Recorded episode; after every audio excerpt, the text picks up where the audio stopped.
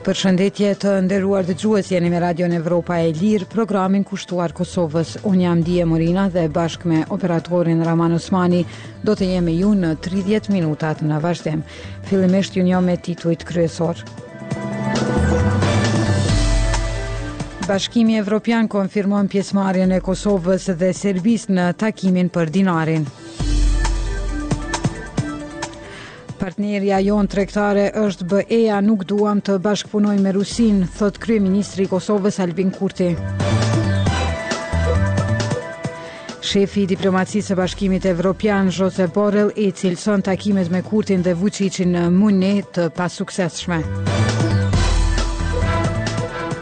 Nga bota, kryeministri palestinez jep dorëheqje. Për këto dhe informacione të tjera, ju ftojmë të qëndroni me ne. Radio Evropa e Lirë është media e pavarur amerikane e themeluar nga Kongresi i Shteteve të Bashkuara të Amerikës. Misioni ynë është promovimi i vlerave dhe institucioneve demokratike.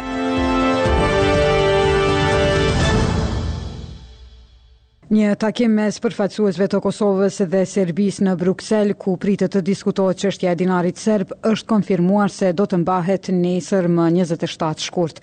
Në Bruksel thonë se takimi do të jetë në formatin e zakonshëm të dialogut, teksa nuk specifikohet se kush do të marrë pjesë.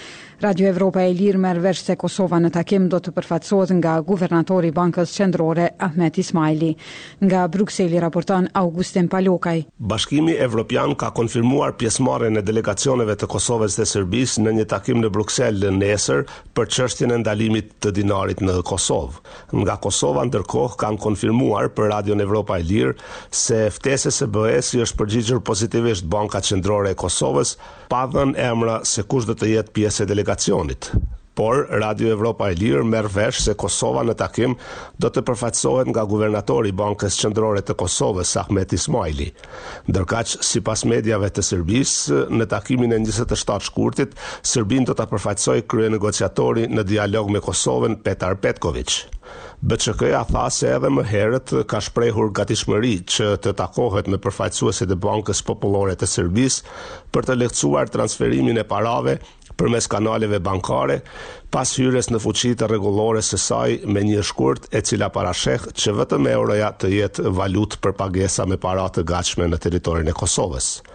Në këtë kuptim, BÇK-ja edhe i përgjigjet ftesave kur janë të nevojshme për takime të tilla informuese, siç edhe ka bërë në vazhdimësi edhe me prezencën ndërkombëtare në vend, u tha në përgjigjen e BÇK-së drejtuar Radios Evropa e Lirë.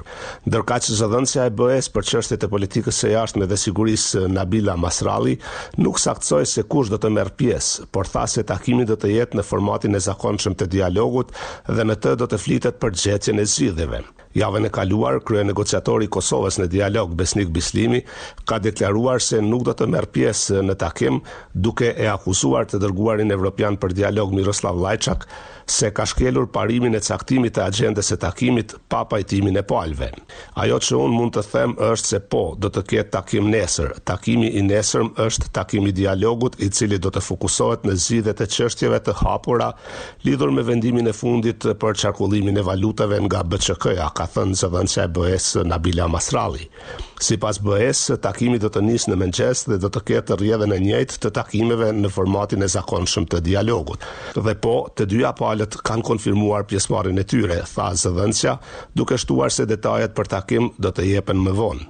Bashkimi Evropian po kërkon që çështja e ndalimit të dinarit të Serbisë të zgjidhet përmes dialogut. Edhe Shtetet e Bashkuara të Amerikës po kërkojnë që Kosova të shtyjë zbatimin e këtij vendimi, pasi, sipas tyre, ka argumentuar se ai është marrë pa konsultime paraprake dhe pa pasur për bazë ndikimet negative te popullata serbe në Kosovë. Autoritetet në Kosovë kanë thënë se rregullorja do të zbatohet përmes një tranzicioni të lehtësuar, jo më të gjatë se tre muaj, ndërkaq kryeministri Albin Kurti ka insistuar se vendimi nuk do të zhbëhet. Shteti serb ndan miliona euro për serbët në Kosovë pasi ua paguan atyre në dinarë përmes një sistemi paralel rrogat, pensionet dhe asistencën sociale.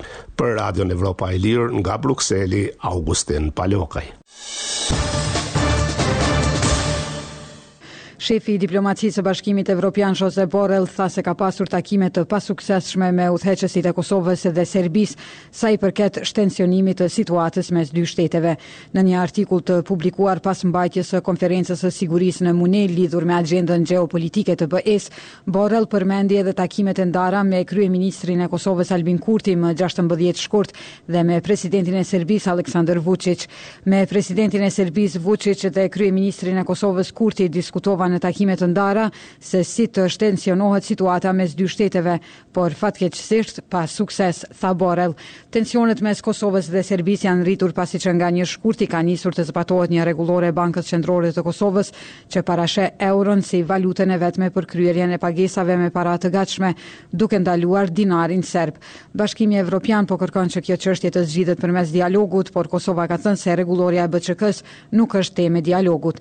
Shtetet e Bashkuara ndërkaq po kërkojnë që Kosova të shtyjë zbatimin e këtij vendimi, pasi ka argumentuar se ai është marrë pa konsultime paraprake dhe pa pasur për bazë ndikimet negative te popullata serbe në Kosovë. Pas takimit në Munih, nga zyra e Kurtit thanë se me Borrellin dhe me të dërguarin e BE-së Miroslav Lajçak është biseduar për deklaratat e zyrtarëve serbë sa i përket marrëveshjes në rrugën drejt normalizimit të raporteve. Në dritën e shkeljeve të vazhdueshme nga Serbia, sulmit terrorist dhe paramilitar në Banjskë ndaj integritetit territorial të Kosovës dhe sigurisë kombëtare, letrave dhe deklaratave të vazhdueshme publike për mosdetyrimin ligjor të marrëveshjes për Serbinë dhe për moszbatimin e plotë të marrëveshjes bazike për të arritur në Bruksel dhe aneksit të saj në Ohër, nënshkrimi i marrëveshjeve është bërë i nevojshëm si garancë e respektimit dhe zbatimit të plotë të tyre.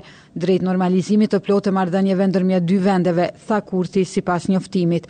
Bashkimi Evropian ka thënë se marrëveshja në rrugën drejt normalizimit të raporteve që është arritur vitin e kaluar nuk ka nisur të zbatohet. Marrëveshja prej 11 nenesh ndër të tjera parasheh edhe një nivel të vetëmenaxhimit për komunitetin serb në Kosovë dhe njohje të ndërsjellë të simboleve shtetërore, ndërsa kërkon nga Prishtina dhe Beogradi që t'i zbatojnë po ashtu të gjitha marrëveshjet e mëhershme të arritura gjatë dialogut. Kryeministri i Kosovës Albin Kurti tha se partnerët kyç tregtarë të Kosovës janë shtetet e Bashkimit Evropian. Në samitin për investime në Ballkanin Perëndimor të mbajtur në Londër, Kurti u pyet për partneritetin tregtar me shtetet që nuk e njohin Kosovën. Ai tha se një nga to është Rusia me të cilën Kosova sipas tij nuk do partneritet. Partnerja jonë kyçe tregtare është BE-ja dhe ne duam që ta forcojmë dhe thellojmë këtë bashkëpunim, tha Kurti në samitin e organizuar nga Banka Evropiane për Rindërtim dhe Zhvillim. Ne nuk kemi raporte me Federatën Ruse, ne i kemi vendosur sanksione Federatës Ruse. Ne duam që Ukraina të fitojë dhe na duhet e gjithë Evropa demokratike dhe bota të shohim Kremlinin dhe presidentin despotik Vladimir Putin të mposhtur, Nuk jemi duke bashkëpunuar me ta, edhe nëse ata do të donin, ne nuk duam. Kemi disa importe nga Kina, por shtetet e BE-së janë partneret tona kyçe tregtare, ka shtuar Kurti.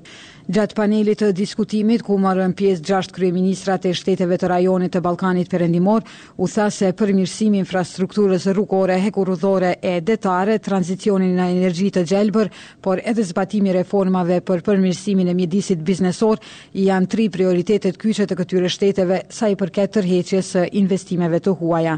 Në Londër, udhëheqësit e gjashtë shteteve ballkanike thanë se pozita gjeografike e tyre, që shërben si lidhje me pjesë të ndryshme të Evropës, bën që rajoni të jetë tërheqës për investitorë të huaj.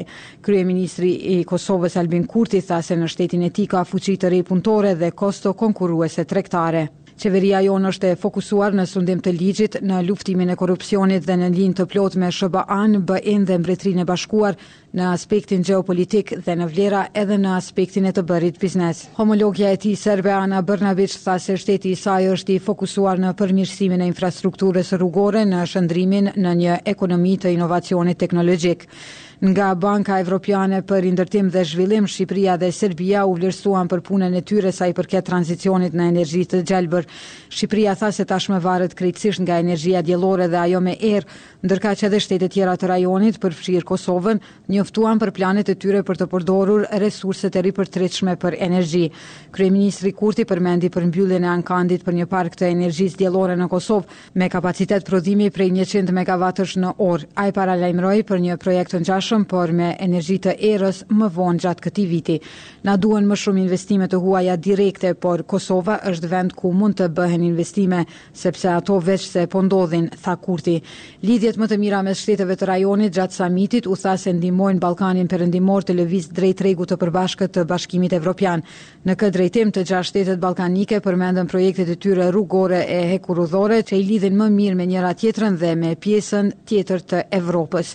Gjatë samitit, kryeministrja serbe Bërnabiç, teksa iu referohej shifrave për investime dhe rritje ekonomike, tha se ato iu referohen Serbisë Qendrore, pa përfshirë sipas saj Kosovën dhe Metohinë, që tha se është pjesë e Serbisë. Kësaj deklarate iu përgjigj kryeministri i Kosovës Albin Kurti, Emri i shtetit tim është Republika e Kosovës, nuk është ashtu siç iu referua këtu si Kosovë e Metohi.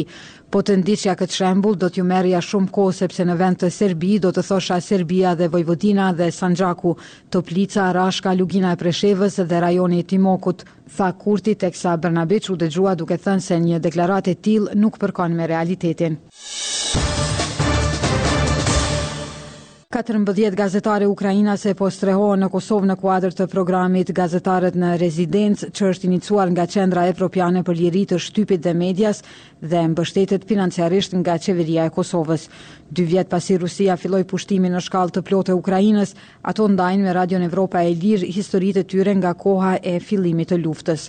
Ku ishin ato një ditë përpara se të fillojë pushtimi rus? A ishin të përgatitura për luftë? Pse u larguan nga Ukraina dhe si është jeta e tyre në Prishtinë? Mësojmë nga kronika në vazhdim përgatitur nga gazetarja Gentiana Kadria. I woke up and heard the voice of planes in my window. Pas një nate të bukur në një koncert filarmonie, Ludmila Makej u zgjua nga zhurma e avionëve që kalonin mbi dritaret e shtëpisë së saj, Në Ukrainën qendrore, Rusia kishte filluar të sulmonte në shkallë të plotë Ukrainën. Tentimi për të kontaktuar vajzën e saj në Kiev, kryeqytetin ukrainas, ishte gjëja e parë që Ludmila bëri mëngjesin e njëzet e katër shkurtit të vitit dy mijë e njëzet e dy, por iu desh të priste tërë ditën që të mund të mësonte se ajo ishte mirë. Njëzet e katër shkurti ishte me ngjyrë të zezë. Gri dhe të bardhë, nuk pashë ngjyra të tjera, thotë Ludmila në një bisedë me Radion Evropa e Lirë në Prishtinë.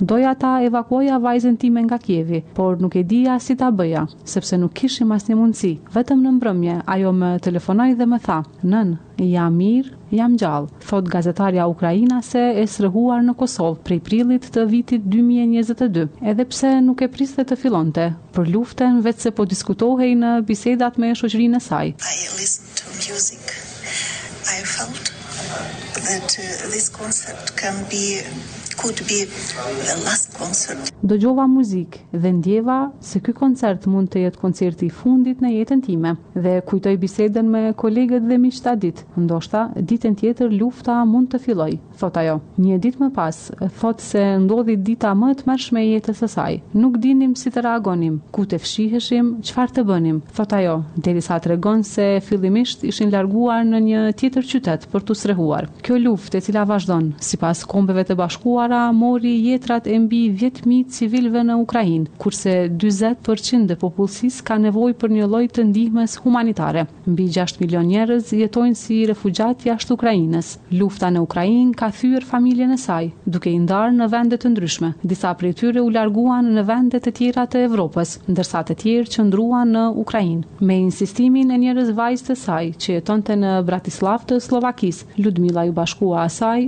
pak kohë pasi nisi lufta. Atje kishte lexuar për programin për gazetarë rezidentë, vendosi të aplikonte dhe në prill të vitit dy mijë e njëzet e dy erdhi në Kosovë. Gazetarët rezidentë është program i iniciuar nga Qendra Evropiane për Liri të Shtypit dhe Medias dhe mbështetet financiarisht nga Qeveria e Kosovës. Përmes këtij programi mundësohet strehimi i përkohshëm për gazetarët ukrainas. Në Kosovë, Ludmilës iu bashkuan edhe trembëdhjetë gazetare të tjera ukrainase. Në mesin e tyre është edhe Tatjana Kraselnikova, po ashtu nga Ukraina qendrore dhe Irina nga Chernihiv në veri të Ukrainës. Ende nuk mund të besoj se është e vërtetë, sepse është një situatë e tmerrshme. Shpresoj që të përfundojë me fitoren tonë, thotë Tatjana në një bisedë me Radion Evropa e Lirë, e cila në Prishtinë është bashkë me djalin e saj nëntëvjeçar. Një ditë para invazionit rus, ajo Kishte marrë pjesë në një festë me kolegët e saj. Të nesërmen, thotë ajo, kuptuan se ishte bombarduar klinika në të cilën do të operohej babai i saj. Ne besuam se ndoshta do të zgjasë një muaj, por nuk ishte e vërtetë. Ne nuk po mund ta shohim fundin, thotë ajo. Irina nga Chernihiv më njëzet e katër shkurt të vitit dy mijë e njëzet e dy u zgjua nga një telefonatë e motrës së saj, duke i thënë se kishte filluar pushtimi. Nuk e besoja fillimisht, si ishte e mundur, në qendër të Evropës, në shekullin njëzet e një, thotë ajo, u shqetësova për familjen, sepse nuk dija çfarë do të ndodhte. Ditë më parë, kishte humbur babain e saj si pasojë e Covid nëntëmbëdhjetë. Edhe Ludmila, edhe Tatjana, si dhe Irina, ndihen të sigurta në Kosovë, por ëndrrojnë të kthehen në shtëpi. Për Radion Evropa e Lirë nga Prishtina, Gentiana Kadria. Pas një hulumtimi disa javësh, Radio Evropa e Lirë ka zbuluar një rrjet të gjerë njerëzish që shfrytëzojnë platformën sociale Telegram për të shitur disa kartela të rreme me imazhin e ish-presidentit amerikan Donald Trump. Përdoruesit e kësaj platforme joshen me reklama të tipit si nëse investon një shumë të caktuar, Pas një kohe mund të përfitosh miliona. Radio Evropa e Lirë ka arritur të bisedojë edhe me një qytetare të shtetit Tennessee në SHBA që ka rënë pre e këtij mashtrimi. Por ajo që është interesante në krejt këtë rrëfim është se baza e këtij rrjeti mashtrues gjendet në Veles të Maqedonisë së Veriut, Një qytet i vogël me pak më shumë se dyzet e pesë mijë banorë. Hulumtimin e plotë ju ftojmë ta lexoni në faqen tonë në internet në adresën evropaelir.org. Atë mund ta gjeni nën titullin Made in Veles, kartelat e Trumpit me miliona. Lufta e Rusisë nuk është vetëm luftë kundër Ukrainës, por edhe kundër botës demokratike, kundër vendeve të NATO-s, ka thënë sot në Shkup ambasadorja e Ukrainës në Maqedoninë e Veriut, Larisa Dir, në një tribunë kushtuar dyvjetorit të agresionit të pajustifikuar rus në Ukrainë. Sipas saj, mosndëshkimi i Kremlinit për krimet e kryera në Buça, Irpin, Mariupol, Izium dhe Avdivka vetëm nxit krime shtesë. Ne kemi nevojë për armë për mbrojtje, ne duhet të zgjerojmë koalicionet e mbrojtjes për të garantuar sigurinë. Është e nevojshme të forcohen sanksionet kundër Federatës Ruse dhe të zbatohen ato në mënyrë që të mos ketë financim indirekt të prodhimit të raketave që fluturojnë mbi kokat e ukrainasve dhe djegin tokën ukrainase, theksoi ambasadori Adir. Duke dënuar agresionin rus, presidenti i Maqedonisë së Veriut, Stevo Pendarovski, tha se Shkupi mbetet i përkushtuar të bëjë gjithçka për të ndihmuar shtetin e Ukrainës. Qytetarët në Maqedoninë e Veriut ankohen për pritje të gjata për marrjen e shërbimeve mjekësore. Disa thonë se presin me orë të tëra për kontroll ndërsa të tjerë ankohen për terapitë e shtrenjta. Ndërkohë mjekët ankohen për pagat e ulëta dhe mungesën e kuadrit, andaj edhe kanë paralajmëruar grevë nëse institucionet nuk zgjidhin situatën e rënduar. Nga Shkupi raporton Isuf Kadriu. Se sluçuva da çekam bukvalno po shest sedum saat sedime po skali. Ndodh që për një kontroll të presim me orë të tëra, nga gjashtë shtatë orë rrimë nëpër shkallë në të ftohtë, por nuk kemi çfarë të bëjmë, jemi të detyruar të presim derisa të marrim shërbimin shëndetësor. thotë Vesna Todorovska, një banore nga qyteti i Shtipit, që kishte ardhur për kontroll në klinikën e Shkupit. Ajo është një nga shumë pacientë të cilët ankohen për vonesa në kontrollet mjekësore dhe për këtë nuk fajsojnë mjekët, por sistemin shëndetësor në vend për dështim në organizimin e punës, dështimin e sistemit të termini im, por edhe për mungesën e mjekave. Guzhvi se stvaraat ova e sega vo momentov, nishto, po 300 pacienti ima tuka. Ka radhë të gjatë, ndodh që këtu të presin edhe nga 300 pacientë, për punën e mjekave nuk mund të ankohemi, faji nuk është i tyre, ata po e bëjnë punën me kapacitetet që kanë, faji është atje lart, thotë Amdi Asulovski pacient nga Shkupi. Qytetarët ankohen jo vetëm për pritjet e gjata, por edhe për terapitë e shtrenjta.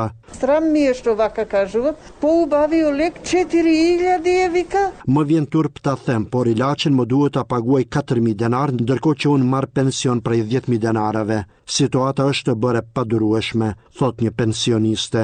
E derisa pacientët ankohen për mungesë të shërbimit mjekësor dhe terapi të shtrenjta, Sindikata e Pavarur e Punëtorëve Shëndetësorë është kërcënuar me protesta nëse institucionet nuk plotësojnë kërkesën për rritjen e pagave, por edhe për punësime të reja. Në Maqedoninë e Veriut në sektorin e shëndetësisë janë të punësuar rreth 25000 persona.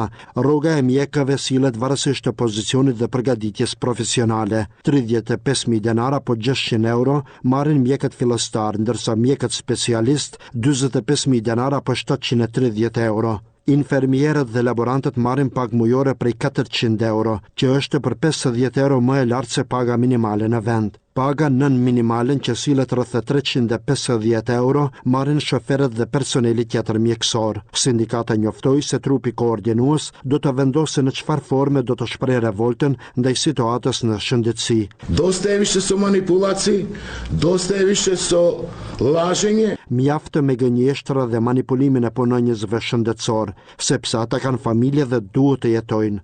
Ne së shpejti do të vendosim për formën e protestës, se a do të jetë protestë e mbyllur brenda institucioneve shëndetësore apo grevë e përgjithshme, thotë Bobi Bojçevski nga Sindikata e Pavarur e Punonjësve Shëndetësorë. Ndërkohë mbetet pa zgjidhje statusi i punëtorëve të angazhuar me kontrata të përkohshme. Janë rreth dy mijë persona që punojnë në institucionet shëndetësore me kontrata të përkohshme dhe pa sigurime shëndetësore, ndërsa të ardhurat e tyre nuk e kalojnë pagën minimale prej njëzet e një mijë denareve apo treqind e pesëdhjetë euro. Apel do nadležnite institucii i do narednata vlada konečno našiot raboten status da bide rešen. I bëjmë thirrje organeve kompetente dhe qeverisë së ardhshme që të zgjidhin statusin tonë.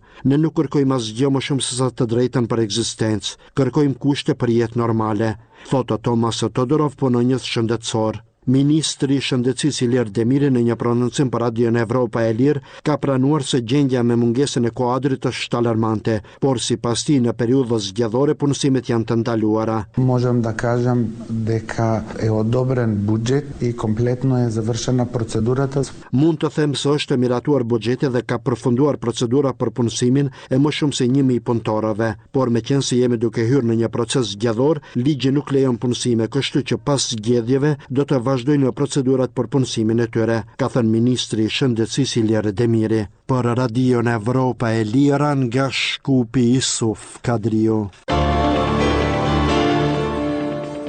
Në vazhdim, kronika nga bota.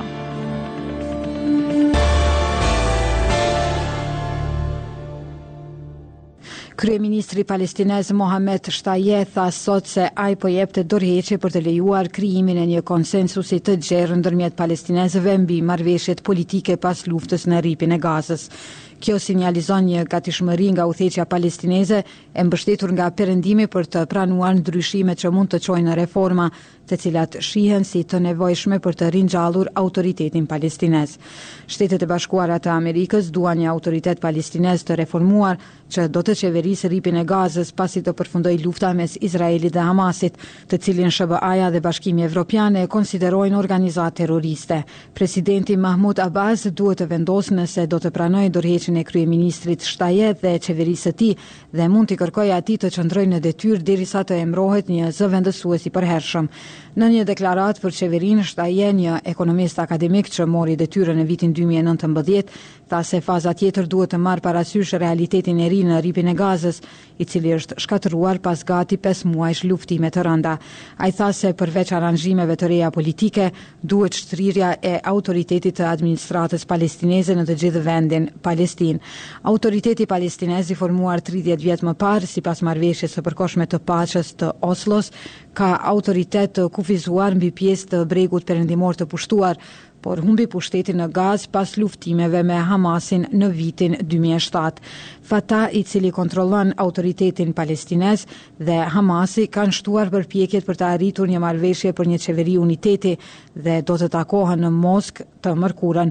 Një zyrtar i lartë i Hamasit tha se masa duhet të shoqërohet me një marrëveshje më të gjerë për autoritetin mbi territoret palestineze. Dorëheqja e qeverisë Shtaje ka kuptim vetëm nëse është në kontekstin e një konsensusi kombëtar për marrëveshjet për fazën tjetër, tha për Reuters zyrtari i lartë i Hamasit, Sami Abu Zuhri. Izraeli ka dështuar që të respektojë urdhrin e Gjykatës më të Lartë të Kombeve të Bashkuara për të ofruar ndihmë urgjente për popullsinë në Rripin e Gazës, tha sot organizata Human Rights Watch, një muaj pas vendimit të publikuar nga Gjykata në Hagë, që urdhëroi të parandalojë vdekjen dhe shkatërrimin në enklavën palestineze. Në përgjigjen e parë ndaj rastit të ngritur nga Afrika e Jugut, që e akuzoi Izraelin për gjenocid, Gjykata Ndërkombëtare e Drejtësisë urdhëroi Izraelin që të bëjë gjithçka që të shmangë vdekjen, shkatërrimin dhe çdo veprim të gjenocidit në Gazë. Por Gjykata Ndërkombëtare e Drejtësisë nuk urdhëroi dhënien fund të ofensivës ushtarake që ka nxitur një katastrofë humanitare në enklavën e vogël palestineze. Izraeli mohon akuzat ndaj tij duke thënë se po lufton në vetëmbrojtje. Një muaj më vonë dhe pothuajse pesë muaj luftë, përgatitjet po bëhen që Izraeli të zgjerojë operacionin e tij tokësor në Rafah, qytezën më jugore të Gazës që gjendet përgjatë kufirit me Egjiptin, ku një pikë katër milionë palestinezë janë strehuar për shkak të luftimeve në pjesë të tjera të enklavës palestineze.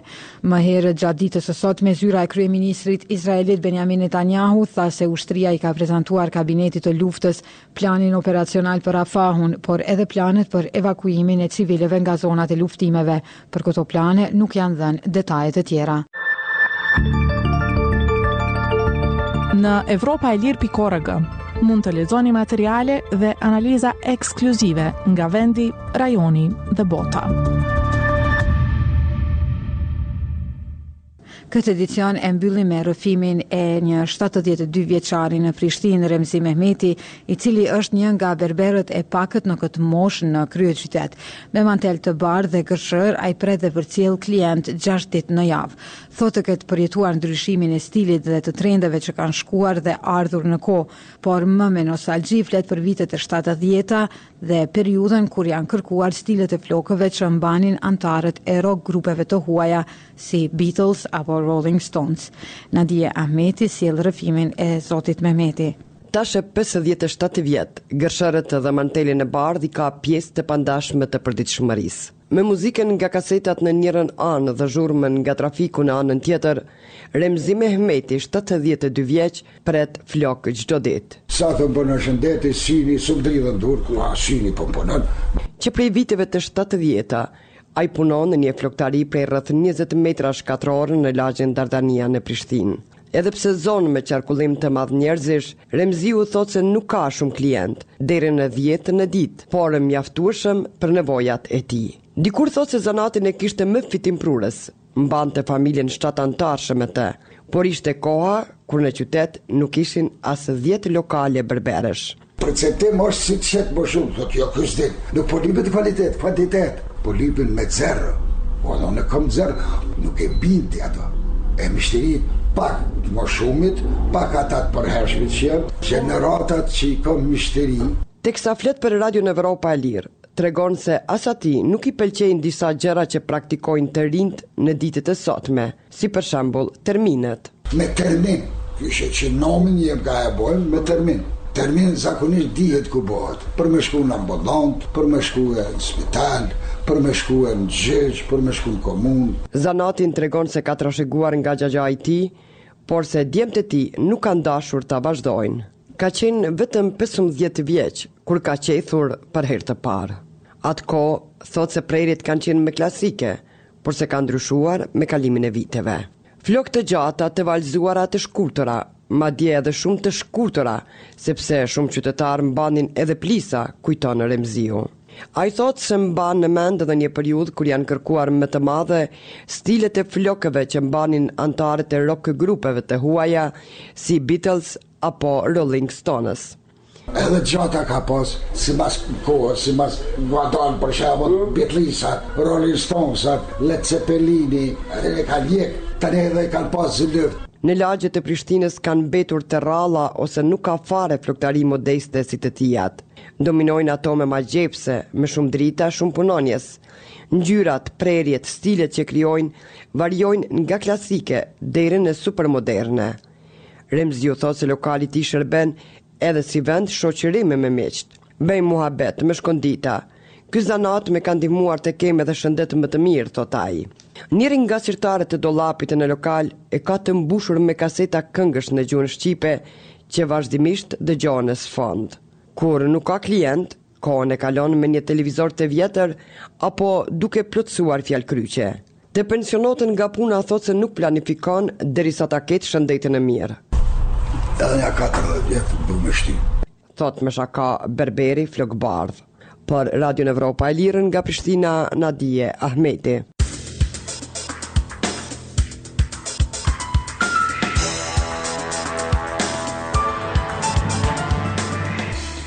Ishin këto të gjitha materialet e përgatitura për edicionin e pasdites. Për lajmet e fundit dhe informacione të tjera mund të vizitoni faqen tonë në internet evropaelire.org. Jemi aktivë edhe në rrjetet sociale Facebook, X, Instagram, Threads dhe YouTube. Deri në takimin tonë të radhës, mirë mbetshi.